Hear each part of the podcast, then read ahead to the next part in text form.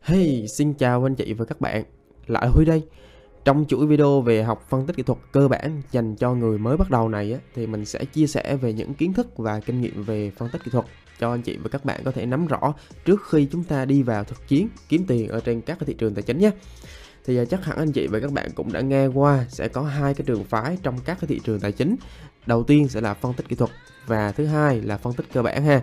Và chuỗi video này sẽ hướng dẫn các bạn về phân tích kỹ thuật và có thể dùng để kiếm tiền trên các cái thị trường tài chính như là cổ phiếu, crypto hay là forex ha và phân tích kỹ thuật á nó là một cái bộ môn mà bất cứ ai cũng có thể là học được. Và thông thường thì các bạn đã tham gia thị trường trong một thời gian dài á, đều bị thua lỗ là do chưa biết cách để chúng ta ra vào lệnh hợp lý ha. Vì vậy cho nên là trong video này mình sẽ chia sẻ kỹ về phân tích kỹ thuật là gì và các nội dung liên quan đến cái lộ trình học phân tích kỹ thuật dành cho các bạn mới.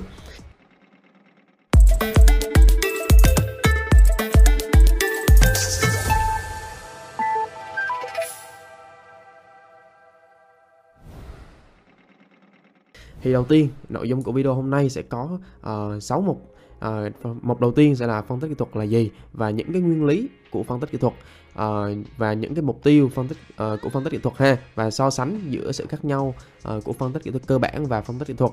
Và cái yếu tố thứ năm đó là ưu nhược điểm của phân tích kỹ thuật thì nó sẽ có những cái ưu nhược điểm gì? Uh, và cuối cùng sẽ là lộ trình học phân tích kỹ thuật dành cho những bạn mới ha thì đầu tiên à, chúng ta sẽ đi vào cái nội dung đó là phân tích kỹ thuật là gì thì à, phân tích kỹ thuật nó là một cái loại phân tích nhằm nghiên cứu cái hành vi uh, diễn biến giá trong quá khứ và cái khối lượng giao dịch trước đó để dự báo được cái xu hướng giá trong tương lai hay các bạn. Tức là nó uh, nghiên cứu những hành vi trong quá khứ để dự báo được cái xu hướng giá trong tương lai ha.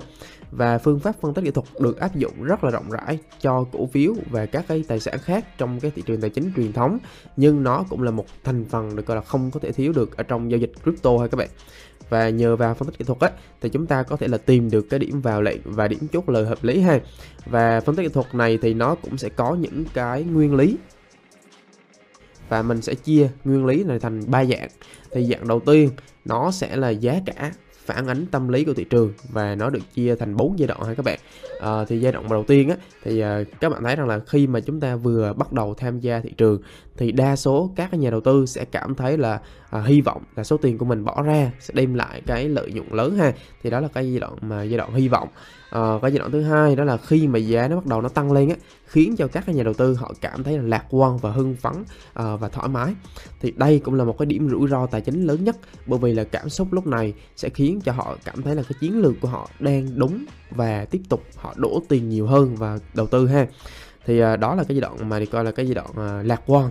Và cái đoạn thứ ba đó là khi mà giá bắt đầu điều chỉnh thì nó sẽ khiến cho các nhà đầu tư này cảm thấy là băn khoăn ha các bạn. Lo sợ băn khoăn và cuối cùng là nó sẽ gây ra cái tình trạng đó là hoảng loạn và tìm cách là cắt lỗ bằng mọi giá ha. Và đó là cái giai đoạn mà uh, rùng mình rùng mình ha các bạn. Và cái giai đoạn cuối cùng đó là sau khi mà họ bị mất hết vốn á thì các nhà đầu tư họ sẽ trở nên gọi là chán nản và mất niềm tin vào thị trường.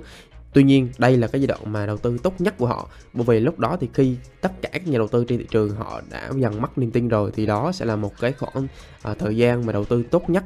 Thì sau đó chu kỳ này sẽ được lặp lại để trở về cái giai đoạn một ha. Thì đó là cái uh, nguyên lý của phân tích kỹ thuật cũng như là các cái giai đoạn trong tâm lý. Vì vậy các bạn có thể thấy là thông qua giá cả chúng ta vẫn thấy được là tâm lý của các nhà đầu tư nhỏ lẻ ở trên thị trường nó như thế nào ha. Vì vậy về cái việc áp dụng phân tích kỹ thuật chúng ta sẽ có thể là nắm bắt được những cái uh, tâm lý như vậy ha. Thì uh, cái đó là cái nguyên lý đầu tiên của phân tích kỹ thuật. Và cái nguyên lý thứ hai sẽ là uh, lịch sử nó sẽ lặp lại. Thì giờ phân tích kỹ thuật á nó là thực hành uh, cái việc đó là dự báo biến động giá tiềm năng trong tương lai hay các bạn. Dựa trên cái việc là chúng ta kiểm tra các cái biến động giá trong quá khứ. Và những trader theo cái trường phái phân tích kỹ thuật này á họ tin rằng là những gì đã diễn ra trong quá khứ thì nó sẽ lặp lại trong tương lai theo một cái xác suất nào đó thôi các bạn? Chứ không phải là hoàn toàn 100% và dưới đây thì mình sẽ đưa hai cái ví dụ về phân tích kỹ thuật bằng trendline ha. Đây các bạn thấy rằng là cái ví dụ, ví dụ đầu tiên thì chúng ta thấy rằng là sau khi mà giá nó à, cái này là trong quá khứ ha. Trong quá khứ thì các bạn thấy là mỗi lần mà giá giá thì nó sau khi mà nó break out khỏi cái đường trendline giảm này á tức là cái đường xu hướng giảm này nó phá lên tức là nó đã phá vỡ và nó break out thì giá nó sẽ tiếp tục lên một cái xu hướng tăng và được coi là xu hướng tăng uh, được coi là duy trì được ha các bạn. Nó tiếp diễn cái xu hướng tăng trước đó mà nó đã break out khỏi cái đường trendline giảm tức là cái đường xu hướng giảm ha. Và đây là cái ví dụ đầu tiên. Và các bạn các bạn thấy là cái ví dụ thứ hai thì uh, ví dụ như chúng ta xem cái này là trong quá khứ thì chúng ta có thể áp dụng vào trong thực tại được thì uh, cái ví dụ này chúng ta thấy rằng là giá cũng nó cũng break out khỏi cái đường trend giảm này. Nó phá lên rất là mạnh nó break out rất là mạnh. Thì sau đó chúng ta có thể là mua theo mua theo cái xu hướng chính bởi vì là nó đã phá vỡ khỏi cái đường xu hướng giảm rồi ha. Thì đó là cái việc mà giá cả uh, nó có cái lịch sử nó sẽ lặp lại các bạn nó lịch lại lặp lại cái ờ, lịch sử trong quá khứ của uh, phân tích kỹ thuật. Nó phản ánh như vậy. Uh, thì cái yếu tố thứ ba thì đây là cái yếu tố thứ hai mà mình đã có trình bày trong hai cái ví dụ này. Và cái yếu tố thứ ba đó là giá cả nó sẽ biến động theo cái xu hướng chính ha. Thì ờ, các bạn có thể thấy được là thường ở trên các cái thị trường tài chính á, ờ, và giới phân tích kỹ thuật họ sẽ có một cái câu nói rất là hay đó là xu hướng chính là bạn của chúng ta. Tức là nếu như mà xu hướng nó có tăng hay là giảm việc chúng ta đi theo thuận theo cái xu hướng đó nó sẽ giúp cho chúng ta là gia tăng được cái tỷ lệ thắng ha và tránh được những cái việc đó là chúng ta bắt đáy bắt đỉnh thì điều đó nó sẽ đi ngược lại với xu hướng. À, trong những cái trường hợp đó thì cá nhân mình thấy rằng là rất là ít người họ có thể là thắng được tức là rất là ít người họ có thể là bắt đáy hoặc là bắt đỉnh được các bạn? Hầu hết thì đều, họ đều bị uh, cắt lỗ và xảy ra cái tình trạng đó là cây cú. Uh, vì vậy cho nên là giá cả trên thị trường á, nó sẽ biến động theo xu hướng cả về ngắn hạn này trung hạn và dài hạn luôn ha. Thì uh, hai trường hợp uh, mình uh, tiếp theo thì mình sẽ muốn đưa ra để làm ví dụ với các bạn. Đầu tiên các bạn thấy rằng là uh, hiện tại chúng ta nhìn trên biểu đồ thì chúng ta thấy rất là rõ đó là xu hướng chính nó đang là xu hướng gì. Thì uh, hiện tại các bạn thấy là giá nó đang được hình thành bởi cái cấu trúc đó là các cái đáy sau. Nó cao đáy trước này các bạn thấy là cái các cái đáy sau. Thì khi mà các cái đáy sau nó cao đáy trước và đỉnh sau nó cũng liên tục nó tạo cao đỉnh trước á, thì chúng ta thấy rằng là một cái xuống tăng nó đang được duy trì ha. Thì các bạn thấy là sau đó thì giá nó có khả năng nó sẽ tăng cao hơn cái xác xác suất tăng á, nó sẽ cao hơn cái xác suất giảm mà các bạn. Đây các bạn thấy rằng là giá liên tục nó tăng theo nó tăng tiếp ha. Thì uh, các bạn thấy rằng là khi mà giá nó uh, hình đang nằm trong một cái xu hướng tăng á, thì giá cả nó sẽ biến động theo xu hướng chính của nó ha. Còn cái trường hợp thứ hai mà mình muốn nêu ra với các bạn ở đây thì chúng ta thấy rằng là giá nó cũng liên tục là nó tạo nên những cái đáy sau nó cao đáy trước. Đây các bạn thấy những cái à, mũi tên màu xanh tức là những cái vùng đáy nó đáy sau nó cao đáy trước ha. Còn mũi tên màu đỏ tức là những cái vùng đỉnh đỉnh sau nó cao đỉnh trước này các bạn thấy cái đỉnh này nó cũng cao đỉnh này rồi ha. À, thì trong trường hợp này thì các bạn có đoán được xu hướng này nó đang là xu hướng gì hay không? Thì đúng như vậy à, thì ờ, xu hướng chính hiện tại nó đang là xu hướng tăng nhưng mà cũng có một số trường hợp giá nó sẽ có khả năng là nó đảo chiều xu hướng ha các bạn.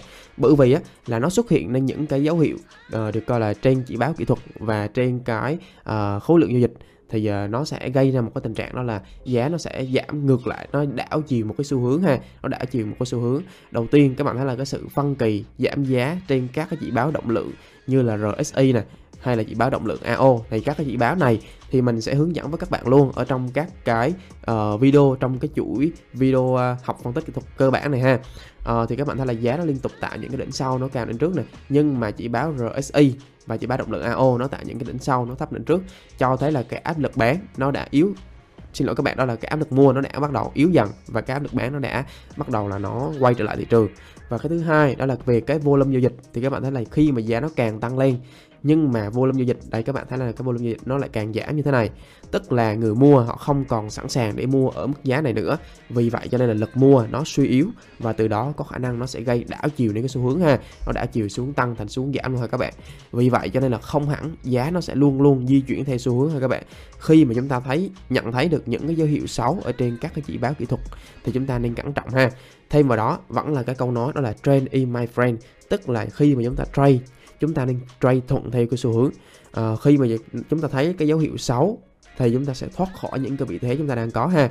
Thì uh, qua cái ví dụ này chúng ta có thể thấy rõ rằng á là mục đích của phân tích kỹ thuật nó sẽ giúp chúng ta trả lời được cái câu hỏi đầu tiên trong hai cái câu hỏi mà mục tiêu của phân tích kỹ thuật nó mang đến cho các trader. Uh, đầu tiên đó là cái uh, câu hỏi là xu hướng nó đang là gì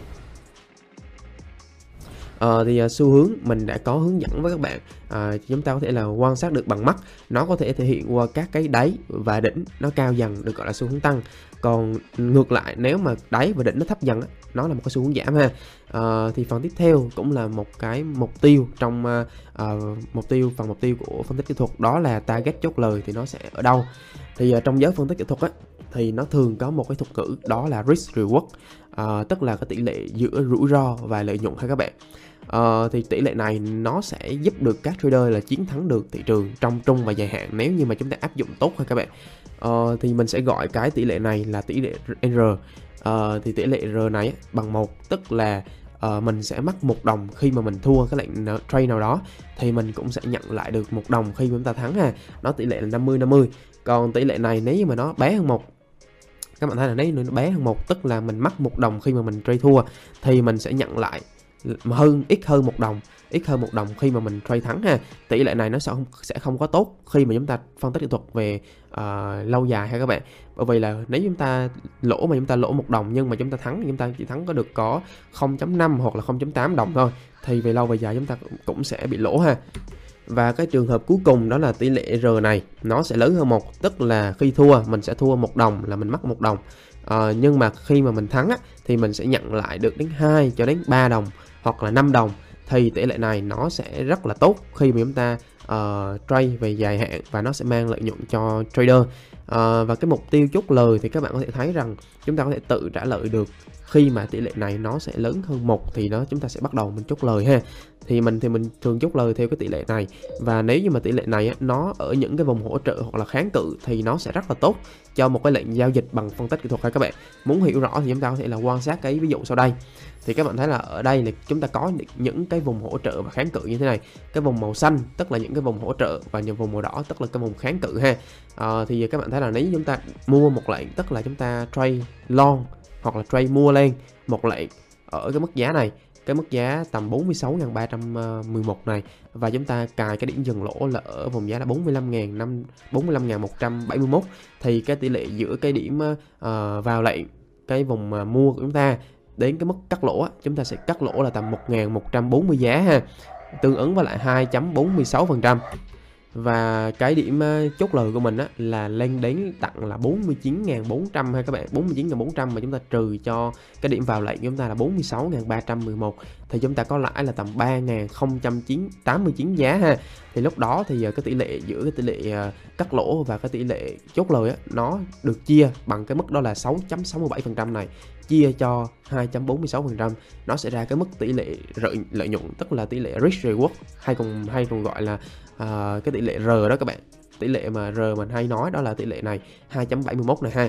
Khi khi mà một lệnh mình trade như thế này tức là uh, khi mà mình uh, bị cắt lỗ tức là mình bị uh, chốt lỗ thì mình sẽ bị lỗ 1R còn khi mà mình chốt lời được ở cái mức này mình chốt đúng cái vùng kháng cự này ha thì cái tỷ lệ mà mình nhận được là 2.71 tức là 2.71 đồng luôn ha các bạn. Còn khi mà mình cắt lỗ thì mình chỉ bị mất một đồng thôi mà mình thắng thì mình sẽ lãi được là 2.71 đồng. Thì đó là cái nguyên lý của cái việc chúng ta uh, trade thì cái việc là uh, chúng ta chốt lời ở đâu cũng như là chúng ta sẽ nhận được bao nhiêu khi mà chúng ta chốt lời. Ok thì đây là cái ví dụ đầu tiên. Cái ví dụ thứ hai là nếu như chúng ta uh, nhận thấy là giá nó liên tục nó tăng lên đến cái vùng kháng cự ở đây. Thì các bạn thấy là cái vùng này đây là cái vùng kháng cự trong quá khứ này và khi mà giá nó tăng lên nó nó xuất hiện những cái dấu hiệu bán mạnh thì chúng ta có thể mở một cái vị thế bán ở đây. Và chúng ta uh, cài cái điểm uh, chốt lỗ phía trên này là quanh cái vùng 48.497 đô.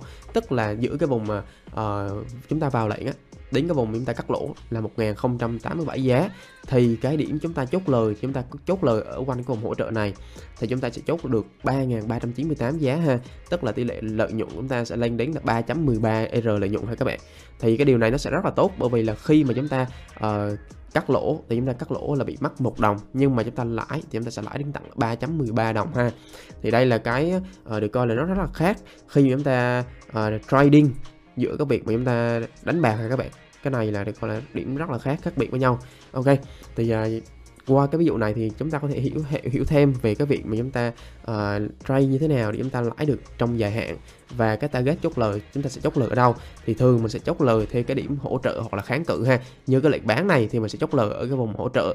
Còn cái lệnh mua thì mình sẽ chốt lời ở cái vùng kháng cự ha các bạn hoặc là cái vùng phía trên này nữa ha. Ok thì đó là cái uh, để coi cái mục tiêu của à, phân tích kỹ thuật và chúng ta sẽ so sánh một chút về phân tích kỹ thuật và phân tích cơ bản ha. Thì ờ, các bạn thấy rằng là uh, phân tích kỹ thuật á, thì nền tảng của nó là giá và hành động giá và các cái chỉ báo kỹ thuật uh, hành động giá ở đây tức là cái uh, projection này cái phương pháp projection. Còn chỉ báo kỹ thuật ở đây tức là những cái chỉ báo uh, indicator như là RSI hoặc là chỉ báo động lượng AO ha. À, và không thời gian đầu tư của phân tích kỹ thuật á, thì chúng ta có thể là trade trong ngắn hạn hoặc là trong uh, dài hạn vẫn được. À, đó là những cái không thời gian như không thời gian phút này không thời gian giờ hoặc là không thời gian ngày hoặc là không thời gian tháng ha. Và phân tích kỹ thuật thì chúng ta có thể áp dụng được trong rất là nhiều thị trường.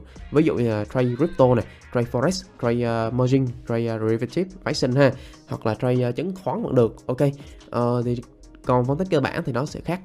Phân tích cơ bản thì cái nền tảng của nó chúng ta sẽ dựa hoàn toàn trên các cái báo cáo tài chính doanh thu lợi nhuận của cái dự án hoặc là một cái công ty tập đoàn nào đó ha và cái tiềm năng phát triển ở trên cái thị trường của nó. Ờ, và phân tích cơ bản thì nó chỉ, chỉ áp dụng được trong dài hạn. Đó là những cái không thời gian này không thời gian tháng hoặc không thời gian năm. Bởi vì là nếu chúng ta phân tích cơ bản thì chúng ta sẽ xác định là chúng ta sẽ đầu tư trong dài hạn. Ờ, và nó sẽ xác nhận xác định bằng cái việc là chúng ta đầu tư trong uh, vài tháng hoặc là vài năm ha các bạn. Và phân tích cơ bản thì nó vẫn sẽ sử dụng được trong cái việc chúng ta đầu tư chứng khoán vàng bất động sản và ngoại hối ha. Ok thì đó là cái và đó là cái sự khác nhau giữa phân tích kỹ thuật và phân tích cơ bản ha các bạn. Và uh, khác với lại phân tích cơ bản ấy, thì ờ, phân tích kỹ thuật nó chỉ dựa vào những cái ký báo kỹ thuật hoặc là hành động giá trên biểu đồ để giải mã được cái tâm lý của trader ha.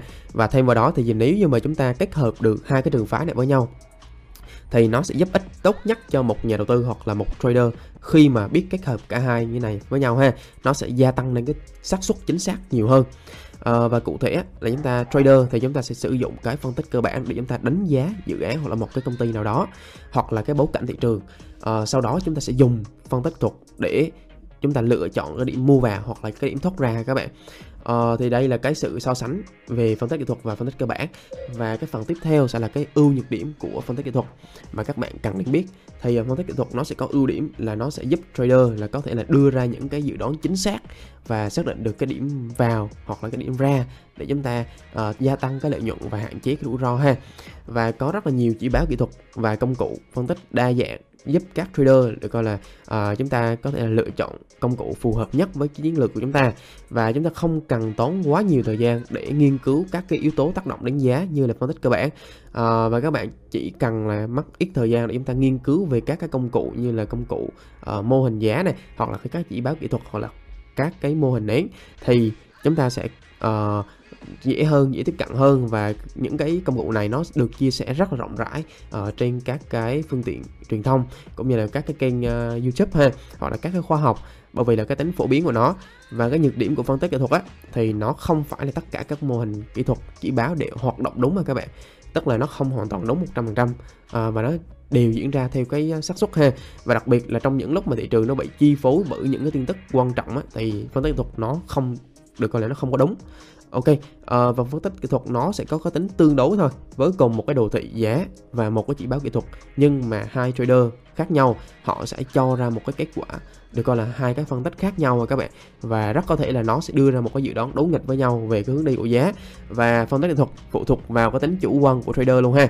Ờ, bởi vì là nếu các bạn thấy rằng là trader họ tin vào thị trường bullish tức là thị trường nó sẽ tăng thì thị trường nó sẽ có ờ, uh, các cái cái được coi là cái phân tích của trader đó sẽ nghiêng về hướng là thị trường nó sẽ tăng ha hoặc là ngược lại. Ok, uh, và phần tiếp theo sẽ là những cái lầm tưởng về phân tích kỹ thuật.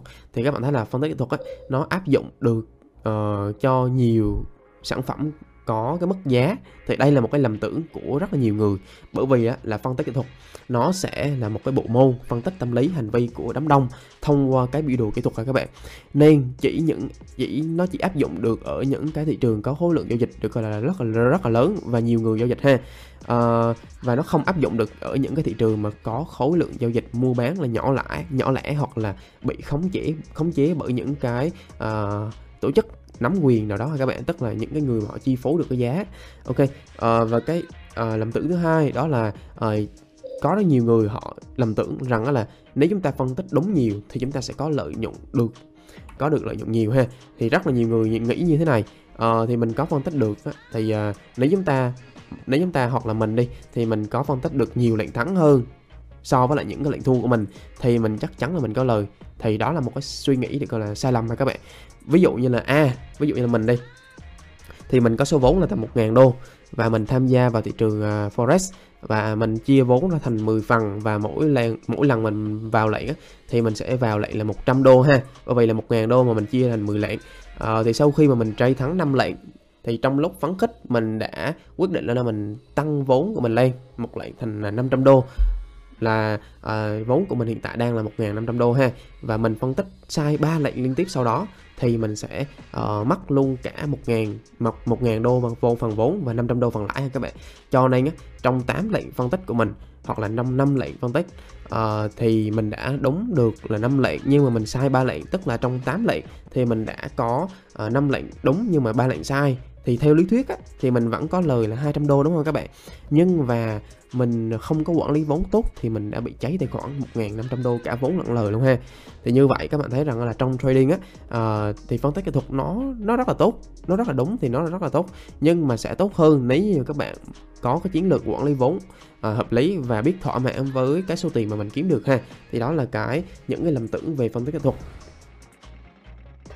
và phần cuối cùng đó là cái lộ trình mà chúng ta học phân tích kỹ thuật như thế nào đối với các bạn mới.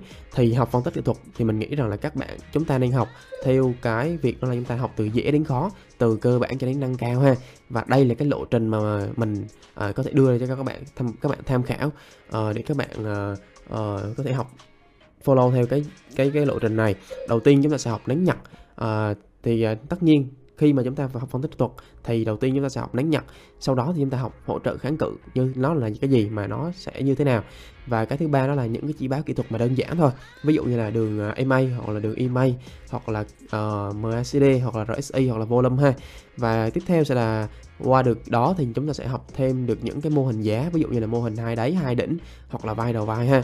Và tiếp theo đó nữa thì chúng ta có thể học thêm về các cái mốc tỷ lệ vàng đó là các cái dãy của à, dãy số Fibonacci ha các bạn? Dãy số Fibonacci. Và những cái chỉ báo này á, thì mình sẽ uh, có hướng dẫn với các bạn ở trong cái các cái video trong chuỗi series uh, học phân tích kỹ thuật cơ bản này luôn ha. Ok thì cuối cùng chúng ta sẽ học qua fraction đó là tức là hành động giá. Và đây là cái lộ trình mà học từ cơ bản cho đến nâng cao.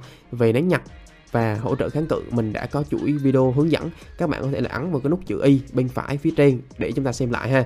Nếu các bạn muốn học nhiều hơn thông qua cái hình thức đọc á, thì trên website của Merchant ATM thì đã có đủ đầy đủ các cái bài viết để giúp các bạn là học phân tích kỹ thuật dễ hơn nha. À, và video này của mình đến đây kết thúc và qua cái video này mình đã giới thiệu và chia sẻ với các bạn mới về cái trường phái phân tích kỹ thuật là gì, những nguyên lý và mục tiêu của phân tích kỹ thuật. Hy vọng là những cái điều mà mình chia sẻ về phân tích kỹ thuật và cái lộ trình học phân tích kỹ thuật này nó sẽ giúp cho các bạn là hiểu rõ hơn về cái trường phái này và mang lại bổ ích dành cho các bạn. Ngoài video này ra thì mình sẽ tiếp tục làm những cái video trong cái chuỗi video học phân tích kỹ thuật cơ bản dành cho những bạn mới bắt đầu ha trên kênh YouTube của Merchant ATM. Các bạn nhớ đón xem nhé. Và nếu các bạn thấy video này hay thì hãy dành 5 giây để nhấn like và subscribe để ủng hộ cho team mình và thuật toán YouTube sẽ ưu tiên những cái video mà có nhiều like ha. Ờ, và xin chào và hẹn gặp lại anh chị và các bạn trong các video sắp tới.